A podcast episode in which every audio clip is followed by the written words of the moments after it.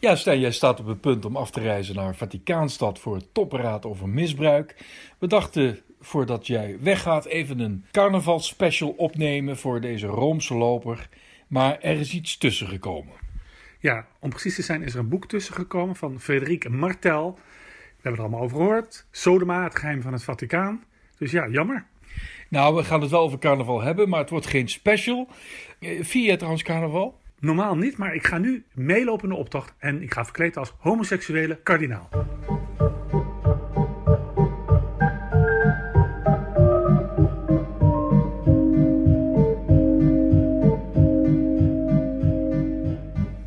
Op 21 februari begint het topberaad in Vaticaanstad over misbruik. En dat beraad heet de bescherming van minderjarigen in de kerk. Paus Franciscus heeft deze historische vergadering bijeengeroepen om ja, het doofpotbeleid ook te bespreken en te voorkomen dat er nog ooit misbruik wordt gepleegd, al zegt hij zelf dat dat een vermetele hoop is, en om boete te doen. Deelnemers daaraan zijn de voorzitters van de Nationale Bisschoppenconferenties, de hoofden van de Oosters-Katholieke kerken, religieus overste en een aantal curie-kardinalen en wat die meer zei. En jij, Stijn, gaat naar Rome om deze vergadering te verslaan. En wat hoop jij daar te bereiken door daar aanwezig te zijn? Want alles wordt gestreamd, alles wordt gelivestreamd. Nou ja, je komt er nog eens iemand tegen. Dat is aardig, een, een bisschop, een kardinaal, maar ook heel veel slachtoffers zijn naar Rome afgereisd. Die hebben, als je naar het programma kijkt van die, eh, het zijn eigenlijk drie dagen. Drie dagen gaan ze, krijgen ze lezingen, er is de boeteviering. En op zondag is er dan op de vierde dag eigenlijk de afsluitende mis. In het hele programma is eigenlijk maar heel weinig ruimte, vind ik, ingeruimd voor de slachtoffers. Tijdens een aantal gebedsmomenten staan er, staat er in het Italiaans testimonianze. Dus er zullen getuigenissen zijn van slachtoffers. Maar die, die, ze staan bijvoorbeeld niet op de sprekerslijst. Nou, heel veel van die slachtoffers zijn naar Rome afgereisd. En die, zijn, en die hebben zich eigenlijk uh, gegroepeerd rond de perszaal van het Vaticaan. Heel slim, want er zijn honderden journalisten. En die, uh, nou ja, die, eigenlijk zou je kunnen zeggen dat er rond de perszaal van het Vaticaan een, een schaduwtop plaatsvindt, namelijk slachtoffers. Nou, en nog zelfs op uh, zaterdag is er om 11 uur een grote demonstratie in Rome van slachtoffers tegen wat zij noemen de pedoseksuele uitspattingen in het, uh, in het Vaticaan en in de kerk, eigenlijk tegen kindermisbruik. En ze verlangen een paar dingen. Ze verlangen dat de verantwoordelijken nu werkelijk allemaal worden aangepakt. Ze verlangen transparantie, alles op tafel. En dus ook een groot extern onderzoek naar wat er bijvoorbeeld ook in het Vaticaan allemaal is gebeurd met meldingen van misbruik. En met bisschoppen die op de hoogte waren en uh, niets hebben gedaan en het misbruik zelfs hebben toegedekt. De zogenaamde doofpotbisschoppen. Nou, het moeilijke is denk ik dat de verwachtingen voor die top eigenlijk veel te hoog zijn. Ook bij die slachtoffers. Die paus heeft te maken met een kerk die uh, verdeeld is over het misbruik. Er zijn zelfs nog bisschoppen in het Westen, hè, waar het probleem vooral afspeelt, Europa, Noord-Amerika, die niet eens van een crisis spreken. Daarnaast zien de bisschoppen, kijken de bisschoppen verschillend tegen die crisis aan, naar de oorzaken en wat gedaan moet worden. En tenslotte zijn er heel veel bisschoppen uit Azië en Afrika die vinden dat dit een westers probleem is. He, die zeggen, dit komt bij ons niet voor. Nou, dat waag ik te betwijfelen, maar goed. Dus waar die paus eigenlijk, waar het die paus vooral te doen is, om, is om het, die bisschoppen te doordringen van het feit dat dit een wereldwijd probleem is, dat door de hele kerk moet worden aangepakt. Je zou kunnen zeggen, dit is een spoedcursus bewustwording. Als hij dat bereikt, dat heeft Wim Deetman, de voorzitter van de commissie die in Nederland het misbruik heeft onderzocht, ook in trouw gezet. Als hij dat bereikt, is hij al heel ver, maar het is maar een eerste stap. Bisschop van der Hende, die namens de bisschop van Rotterdam, die namens de Nederlandse bisschoppen naar die conferentie gaat, die zegt: Dit is nog niet eens het begin van een antwoord. Dus wat wil dat zeggen? De paus, maar ook van der Hende, willen de verwachtingen temperen. Dit is nog niet eens het begin, want anders ligt teleurstelling op de loer. En dat, ik ben bang dat de verwachtingen van de wereld, hè, en, en, dat, en dan bedoel ik ook die slachtoffers, veel te hoog zijn. Dit kan nooit worden waargemaakt, want daarvoor is het probleem te groot. En is de verdeeldheid binnen die deelnemers in de conferenties, denk ik, uiteindelijk ook nog te groot. Ja, een van de leden van het organisatiecomité is de aartsbisschop van Malta, Charles Chicluna. Zeg ik dat zo goed? Ja, dat zeg je volgens mij goed. En die eh, sprak over eh, zijn hoop dat de omerta, de, de, de, de, de hele zwijgcultuur in het Vaticaan, eindelijk eens gaat worden doorbroken. Want het is die zwijgcultuur die ertoe heeft geleid dat er nooit openlijk over kon worden gesproken. En dat eigenlijk de slachtoffers botvingen.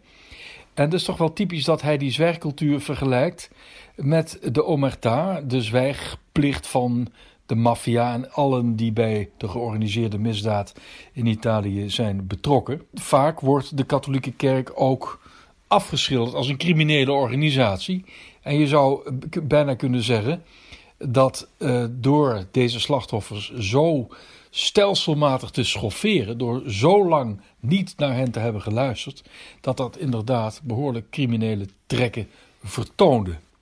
We weten nu, want we zullen maar meteen ook iets zeggen over dat boek Sodoma, maar daar komen we dadelijk meer over te spreken, maar dat er dus uh, dat die zwijgcultuur het grote probleem is. Dat, groot, dat kerkleiders van, van enorme statuur eigenlijk soms dubbel levens leiden.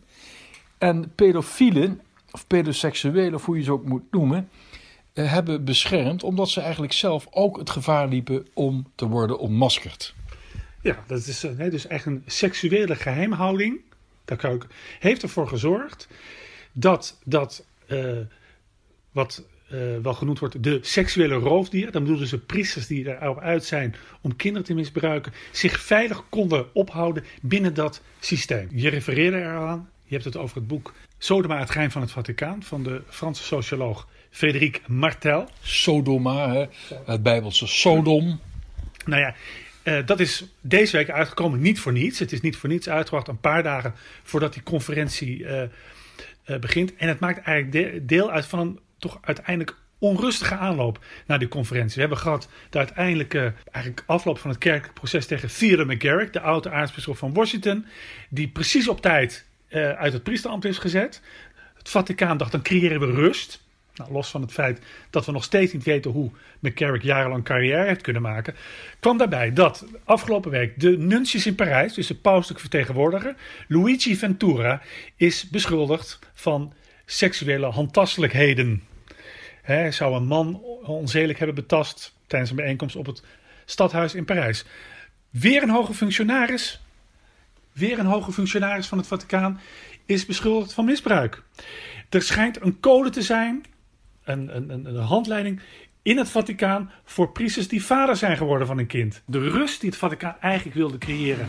Eén, door het aankondigen van die conferentie, maar B ook in de aanloop daarnaartoe, grote persconferenties, aantal interviews, eigenlijk ja, onrust is geworden. Dus deze conferentie begint ook nog eens onder een onrustig gestern.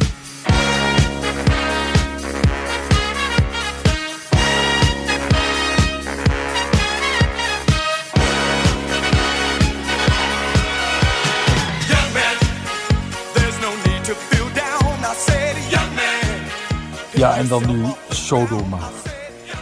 Nou, wat een, uh, wat een publicatie. 671 pagina's. Ik moet u eerlijk zeggen, luisteraar, dat ik er nog, uh, nog niet helemaal doorheen ben. Het is een, uh, een fikse kluif, maar het leest als een trein. Het is buitengewoon goed geschreven door deze Frédéric Martel. En het is echt onderhoudend, maar het is ook schokkend, moet ik heel eerlijk zeggen. Ik vind het schokkend. Wat mij verbaast, ik weet niet hoe het met jou is, Stijn, dat dit, dat dit een, een mega-operatie is, publicitair gezien. Dit is een, eh, een, eh, in acht talen tegelijkertijd verschenen, in twintig landen, door verschillende uitgeverijen. Deze man heeft vier jaar eh, veldonderzoek kunnen doen. Uh, heeft gesproken in het Vaticaan met ik weet niet hoeveel mensen, maar ook in, in 30 andere landen. Ongeveer 1500 personen geïnterviewd. Onder wie 41 kardinalen, 52 bisschoppen en monsignori, 45 apostolische nuntiussen en meer dan 200 priesters en seminaristen. Een zeer knap geschreven boek, maar jij hebt er toch kritiek op staan. Laat ik, uh, het, volgende, laat ik het volgende over zeggen. Veel van de verhalen die je in dit boek leest zijn ook al bekend. Het goede van uh, Martel is zijn uitgebreide research. Hij heeft er de tijd voor genomen. En dat hij een aantal dingen systematisch bij elkaar heeft gebracht. Zelfs per pontificaat. dus ik krijgt Johannes Paulus II, Benedictus XVI en Franciscus. Hij begint met Franciscus. Ja. Hij is een fan van Franciscus, hè? Nou, dat is wel de held Ja. van, het, van zijn boek, hè? Ja. Dus wat dan opv- opvallend is, dat als ik het goed gelezen heb, is dat hij, hij weliswaar een fan is van Franciscus, maar ook hij zegt dat Franciscus McCarrick, de oud-aartsbisschop van Washington, die nou, een soort van seksueel roofdier heeft huisgehouden in de Amerikaanse kerk, de hand boven het hoofd heeft gehouden. Vind ik opvallend. Daarnaast, wat eigenlijk wat uit de kern van het boek is, is eh, dat de homofobie die veel eh, Vaticaanse prelaten praktiseren, eigenlijk een masker is voor een, ja, een soort homoseksueel mekka, wat zich achter de muren van het Vaticaan zou bevinden. Dus ja, die vreemde tegenstelling, waar ik ook al eerder over geschreven heb, tussen aan de ene kant keiharde uitspraken over homo's en de andere kant zelf homoseksueel verkeer in en rond het Vaticaan. Ja, dat brengt hij, moet ik zeggen, wel heel goed in beeld. Hij komt ook met onthullingen, bijvoorbeeld over de eh, Colombiaanse kardinaal López Trujillo. Een, nou ja, ik zou maar zeggen, een, man met een geharnast geloof en een zwaar anti-homo. Die zou in Colombia zelf al allerlei vriendjes hebben gehad en ook gebruik hebben gemaakt van mannelijke prostituees. Eenmaal in Rome, waar hij een hoge functie kreeg in de curie, is hij daar gewoon mee doorgegaan. En zou hij met de dienstauto van het Vaticaan mannen hebben opgepikt op Station Termini. Het beeld wat eh, Martel schetst van het Vaticaan is weinig fraai. Hij komt ook met cijfers, onderbouwt hij niet wetenschappelijk. Vier op de vijf priesters in het Vaticaan zou homo zijn en de helft van de kardinalen. Dus dat is eigenlijk wat hij gedaan heeft. Vlak voordat die misbruiktop begon, heeft hij een bom gelegd onder het Vaticaan. Ja, dat kun je wel zeggen, ja. Hij zegt dat dit een wetenschappelijk onderbouwde studie is.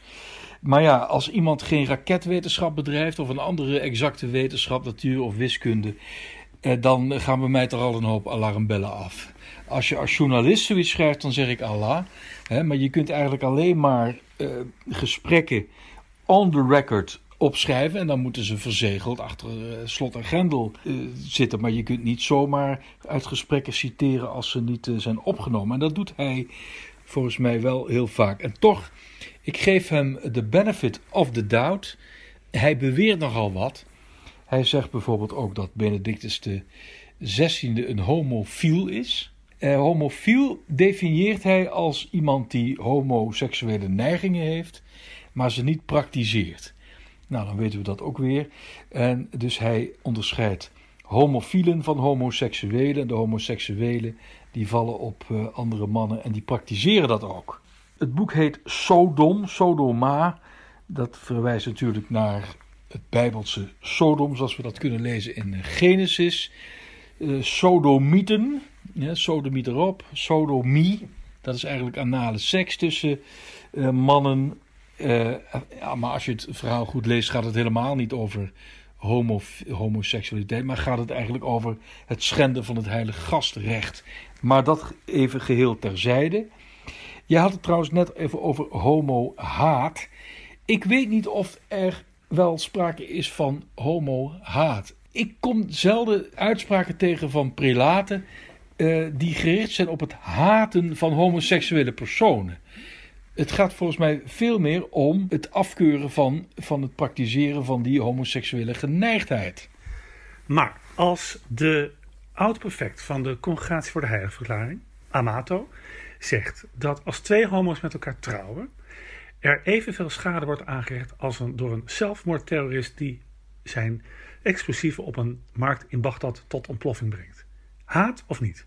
Nee, dat is geen haat. Eh, Want eh, haat heb je voor concrete figuren. En dit is een, eh, dit is een uitspraak in abstracto. Dat gaat over, over algemeenheden. Aartsbisschop Foley, later kardinaal Foley, hè, oud John Foley. John Foley, Ja, ja. president van de, van de communicatiedicasterie binnen het Vaticaan, heeft ooit gezegd dat aids de straf van God is voor de homo's.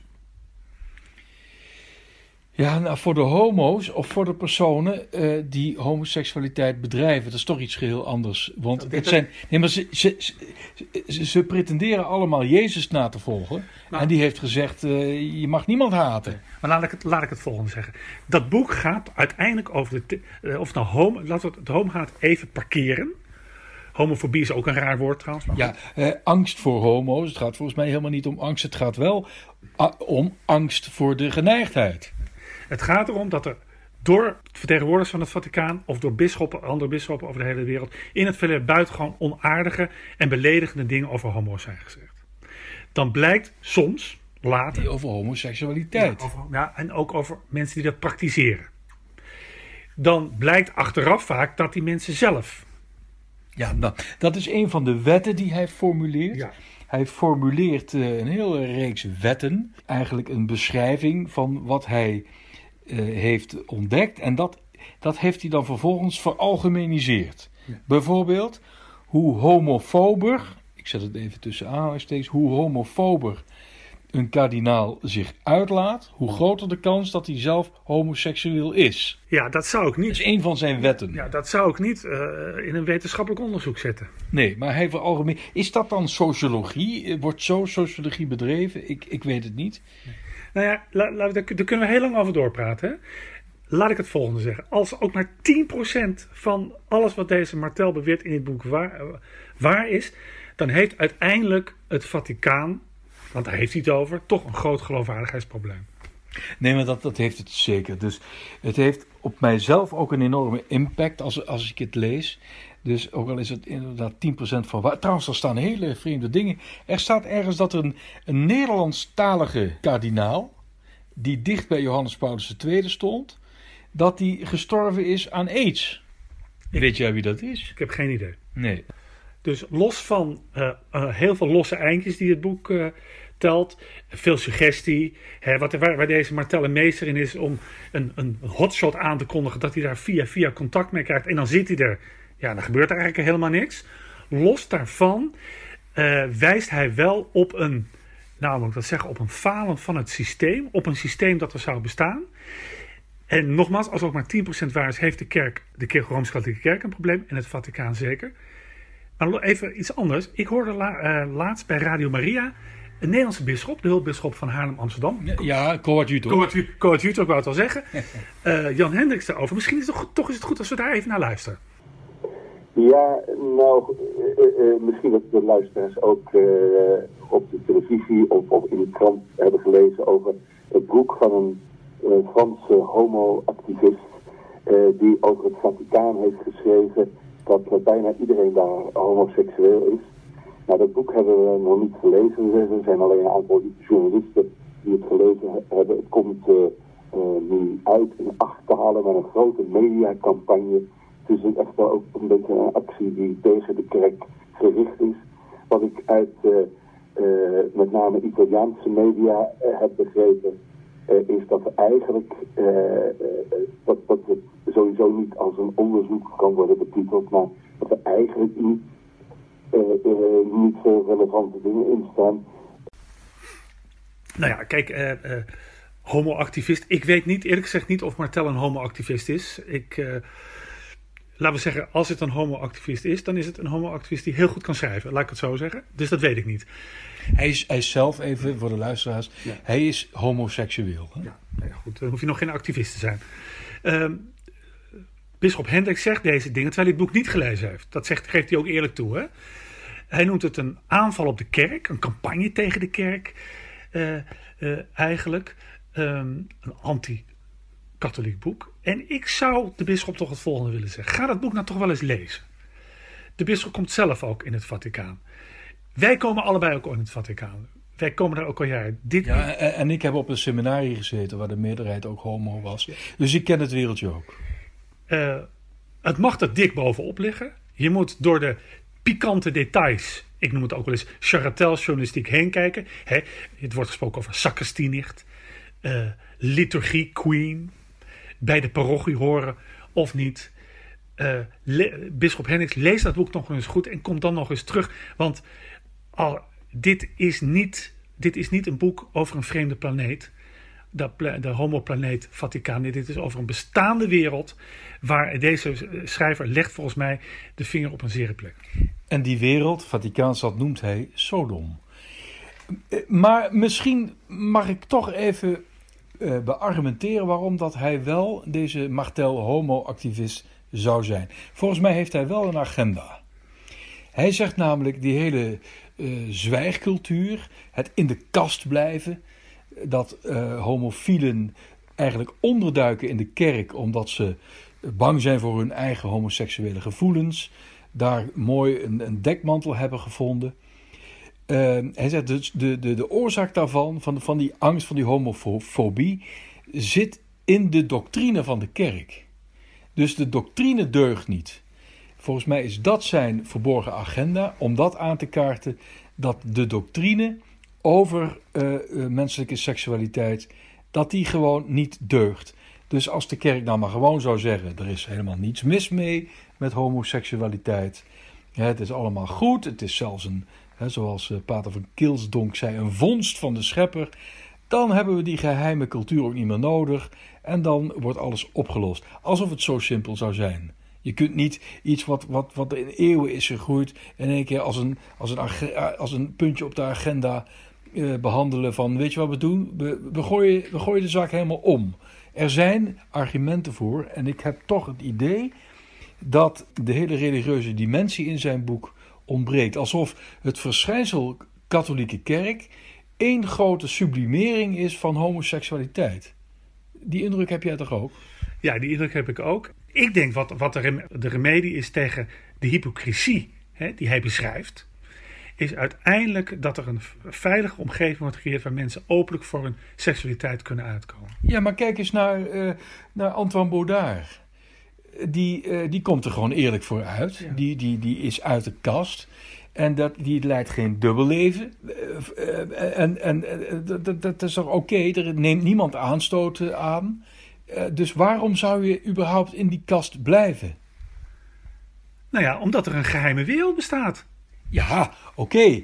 Maar stel dat je heteroseksueel bent, dan kun je ook een dubbel leven leiden. Het probleem met homoseksualiteit in het Vaticaan is dat, en dan bedoel ik homoseksualiteit, maar blijkbaar zijn er volgens hem dus heel veel homofielen. Dus dat verschil heb jij al, uh, al beschreven. Ja, hij, hij, hij zegt Fifty Shades of Gay. Fifty Shades of Gay, ja. Er zijn allerlei gradaties in, in homoseksuele gevoelens en het praktiseren daarvan. Van een discrete vriendschap tot s'avonds de straten van Rome afstropen op zoek naar lekkere jongens. Om het zo maar te zeggen, hè?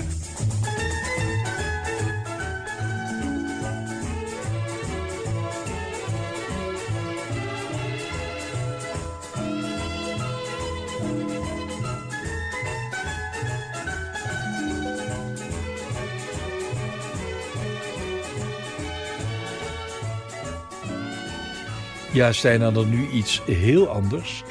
Eh, de aartsengel Michael is neergestreken in Amsterdam. En wel in de Nieuwe Kerk aan de Dam. Het betreft een prachtig schilderij van de Napolitaanse barokschilder Luca Giordano. En dit werk is nog te zien tot en met 7 april. En bij de persviewing sprak ik met Marlies Kleiterp, hoofdtentoonstellingen van de Nieuwe Kerk over dit bijzondere meesterwerk.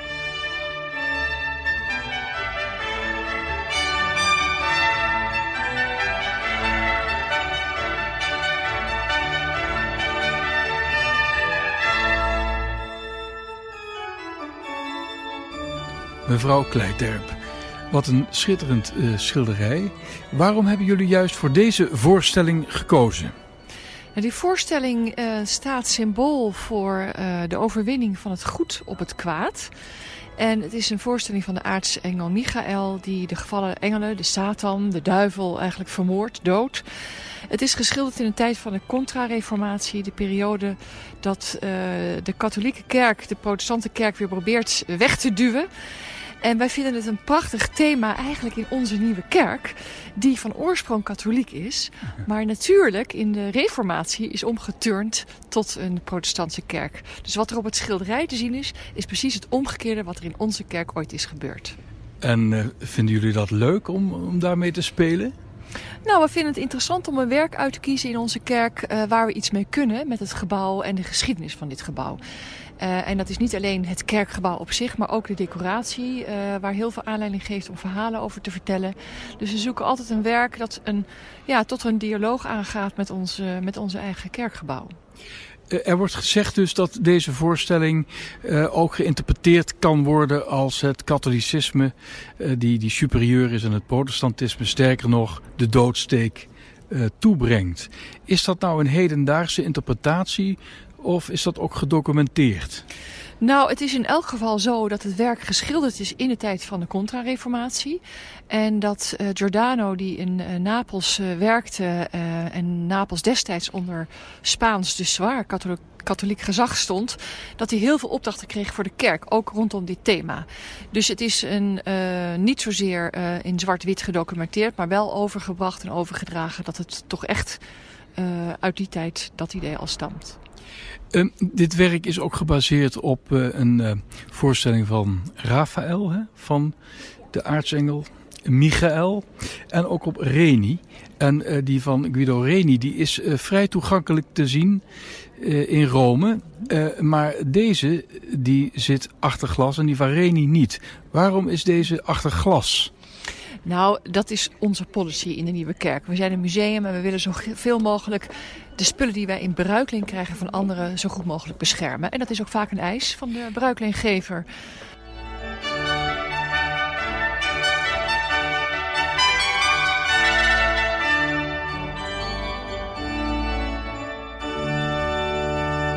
En je ziet hem ook bijna, als je naar links gaat, in één oogopslag met het praalgraf van Michiel de Ruiter. Ja, het is de oorspronkelijke plek van het, uh, het hoogaltaar. En toen de kerk protestant werd in, in latere tijden was dat natuurlijk een ereplaats voor ooit een zeeheld, uh, Michiel de Ruiter. Maar het schilderij hebben we daar nu vlak voor geplaatst, omdat dat gewoon de ereplaats is in deze kerk. En daar hoort dit ook te staan. Ja, ja. Maar beide zijn strijders dus, hè? Ja, natuurlijk. Hij, hij van de hemelse strijdkracht en Michiel de Ruiter van, van, van Holland. Hoeveel mensen uh, hoopt u naar binnen te krijgen? Nou, wij hopen wel zo'n 25 à 30.000 bezoekers uh, te plezieren met dit fantastische werk. En is er al iets duidelijk over het volgende meesterwerk? Ja, het wordt heel spectaculair, maar daar mag ik u nog niets over verklappen. Oh, dat maar is jammer. Het overtreft dit misschien ook nog wel weer, dus uh, dat ah, wordt heel bijzonder. We zijn zeer benieuwd. Ja, ja, ja. Dankjewel mevrouw Kleiter. Heel graag gedaan.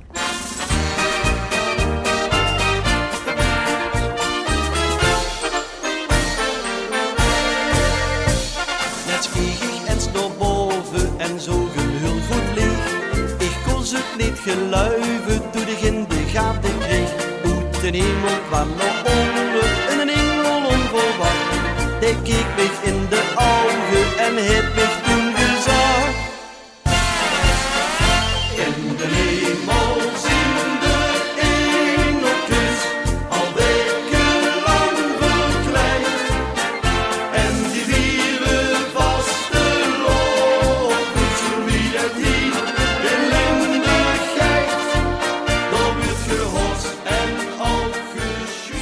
carnaval hebben. Jij bent een groot liefhebber hè, van carnaval. Maar niet huis. En, en waarom eigenlijk niet? Laat ik het zo zeggen. Ik vind het zoiets als cricket. Hè, ik begrijp niks van cricket. Maar ik vind helemaal niet erg als mensen dat op een mooi grasveld een zondag doen. Maar associeer jij carnaval wel met katholicisme? Ja, maar volgens mij is het helemaal geen katholiek feest. Maar dat, dat, dat weet jij volgens mij beter dan ik. Nee, ik vind het verschrikkelijk. Met zo'n boerenkiel. En dan veel bier drinken. Ik hou ook niet van bier. Dus ik heb er helemaal niks te zoeken. Dus ik, ik zit er wel eens in een trein naar Den Bosch. En dan, dan zitten allemaal van die sneuwe mensen met rode neuzen uh, naast me. En dan ben ik zo blij dat ik niet mee hoef te doen. Heerlijk! Die losbandigheid, die heeft, dat heeft ook een functie. Soms moet een mens zich laten gaan. Nou, ik niet. uh, je hoort tijdens het Angelus op uh, carnavalszondag geen één paus ooit iets zeggen over carnaval. Ook niet Benedictus XVI. Heel goed. He, bijvoorbeeld Frobus uh, vastelavond of zo. Helemaal niets. Alsof ze niet eens weten dat er dus verderop in de stad echt carnaval wordt gevierd. Ja, dat carnaval in Rome begint trouwens ook steeds meer te lijken op het Rijnlandse carnaval. Uh, met, met hossen en met parades, met hoempapa muziek en zo. Maar het oorspronkelijke carnaval in Rome, in het pauselijke Rome, is eigenlijk de opvolger van een feest dat in december werd gevierd. Dat heette de Saturnalia, oftewel de Saturnaliën, ter ere van de god Saturnus. En het leuke daarvan was, is dat er een soort omkering kwam, een omdraaiing van de sociale hiërarchie. Dus de slaven die, die werden uitgenodigd bij de banketten van de meesters. De, de, de, de, chique madame die gedroegen zich prostituees. Enfin, het ging over omdraaien. En wat trouwens zo leuk is aan het carnaval in Den Bosch, daar hebben we eh, prins Amadero. En Amadero is een anagram van omdraaien. Dus carnaval draait om, het, draait om het omdraaien. Dat is eigenlijk carnaval zoals het ook al bestond in heidense gedaante bij de Saturnalia. In december begon ook al in het christelijke Rome het carnaval al na kerst. Het feest van onnozele kinderen was ook al zo'n carnavalsfeest. Daar werd een kind op een bisschopszetel gezet. Totale anarchie, seksuele uitspattingen zelfs op het altaar. En dat duurde tot een dag in, in het voorjaar. Toen heeft paus Gregorius de Grote gezegd, nou nu moet het afgelopen zijn. En hij zei de zevende woensdag voor Pasen, als woensdag, dan is het klaar. Dan moeten we boete doen en vasten. In het pauselijke Rome begon het carnaval al twee weken voor als woensdag. En dat, dat tot 1870 werd al gevierd. En toen kwam Victor Emmanuel II en die schafte eigenlijk het, het carnaval zoals dat bestond af. En de huidige pausen zijn er eigenlijk wel blij mee. Die hoor je echt nooit over carnaval. Wat waren nu de twee grote feesten? Uh, jij kent die, die, die, die prachtige straat, wel die winkelstraat Via del Corso. Uh, waarom heet die Via del Corso? Dat heeft ook met carnaval te maken. Juist, want die, dat is genoemd naar een race, een Corsa. En dat was de, de, de, de race van de, de Berberpaarden. De Corsa dei Barbari. En dat was een race uh, met, met 14 paarden, onbereden. Die werden flik opgehutst met spijkers. En, en die testikels werden nog eens een keer goed geknepen. Zodat ze helemaal gek werden, werden ze losgelaten. En uiteindelijk finishten ze dan bij de Piazza Venezia. En daar had een Pietro Barbo, een kardinaal uit Venetië, die had daar een paleis laten bouwen. En dat werd Paulus II. En die heeft dat carnaval echt uh, een enorme boost gegeven. Die heeft ook van die, van die straat, de oude Via Latia, heeft hij ook een andere naam gegeven, de Via del Corso. Ja, en als ik me niet, als ik me niet vergis, hadden de, de Joden ook een rol in die optocht. Hè? Nou, schrijf uit, dat is verschrikkelijk. Die, uh, die vonden uh, Goede Vrijdag was een hier ramp voor, uh, voor, voor de Joden. Want die werden dan beschuldigd van, van, van godsmoord theocide. Maar ook met carnaval moesten ze het vaak ontgelden. En dat uh, gebeurde helaas ook in Nazi-Duitsland, waar Joden belachelijk werden gemaakt. Dus dat, dat is allemaal verschrikkelijk. Uh, maar er, er, zijn ook, ook wel goede kanten aan het, aan het Romeinse carnaval. Namelijk dat het een, een. Het was ook prachtig. Goethe ging, ging speciaal naar de Via del Corso, waar hij trouwens ook gewoond heeft. Uh, om, dat, om, dat, om dat prachtig op te schrijven. Charles Dickens heeft mooi over het Romeinse carnaval geschreven.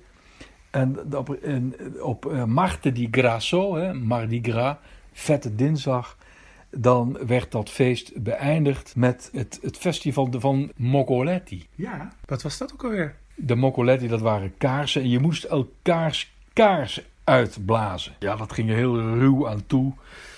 Uh, maar goed, er ontstond dan een, een, hele aparte sfeer, een erotisch geladen sfeer. Er waren dan ook opvallend veel prostituees op straat. En dat, dat was, alle, gebeurde allemaal onder toeziend oog van de paus. Nou, die vond het allemaal wel best. Nou, in die zin is er dus niet zo heel veel veranderd uh, in Rome. ja, maar toen gebeurde het openlijk. Oh, en, ja, dat is waar. Dat ja. is waar. Maar er was één heilige en die vond dat, uh, dat Carnaval helemaal niets. En dat was Filippo Neri. Oh, dit is, dit, dat, dat is al een van mijn favoriete heiligen. Die komt vaak terug in ons verhaal. Ja, ja die kon zo intens bidden dat hij begon te zweven. Vind ik al een, een pluspunt. Maar dat hij dus ook niet van carnaval hield, dat heeft mijn liefde voor hem alleen maar groter gemaakt. Ja, hij, hij, hij verafschuwde het. Hij heeft ook een alternatief festival eigenlijk uh, in het leven geroepen. Of in het leven geroepen. Hij heeft eigenlijk de oude traditie hersteld van een voettocht langs alle zeven hoofdkerken van Rome. En dan zong hij ijdelheid daar ijdelheden. Uh, alles is ijdelheid. En dat is uiteindelijk uh, een enorme traditie geworden. Tot in de jaren, tot aan de Tweede Wereldoorlog, is, is dat uh, de grote stadsprocessie geworden. Nou, dat, en dat, weet je, ik ga, dat ga ik nu meteen doen. Dat lijkt me in de huidige omstandigheden het allerbeste. Jij moet eigenlijk op je blote knieën langs, langs al die zeven hoofdkerken. Uh, misschien is het leuk dat jij ze even opzomt. Uh, Sint-Pieter. Ja. Santa Maria Maggiore. San Lorenzo buiten de muren. Dan maak je wel een omweg, maar inderdaad. Eh, Santa Croce in Jeruzalem. Heel goed. Sint Paulus buiten de muren. Sint-Jan van Lateranen. Hoeveel heb ik er dan? Zes. En de zevende is de San, Seba- San Sebastiano. San Sebastiano. En dan zijn we weer terug bij de homo's.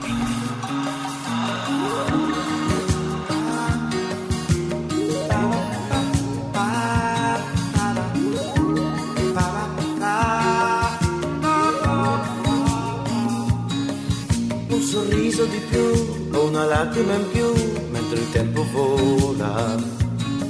Prima il bene, poi il male, per zucchero sale seccano la gola. Carnevale, e comincia così la mia recita.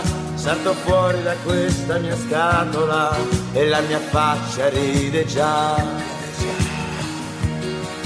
Carnevale, basterà che io suoni un'armonica per riempire ogni cosa di musica e quanto passerà. Oggi festa se vuoi per consolarci e festa se vuoi per aiutarci a cambiare la realtà.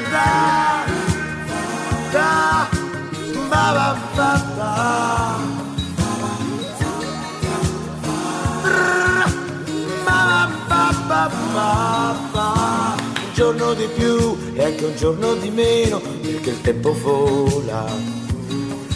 Il silenzio fa male, ma anche troppe parole seccano la gola. Carnevale, se la vita mi sembra un po' stupida, tolgo un asso da questa mia manica e tutto quanto cambierà, cambierà. Carnevale, se ogni giorno mi sembra più inutile, ballo fino a stancarmi anche l'anima, che poi domani si vedrà. Oggi è festa se vuoi per consolarci, e festa se vuoi per aiutarci a cambiare la realtà. Ba, ba, ba,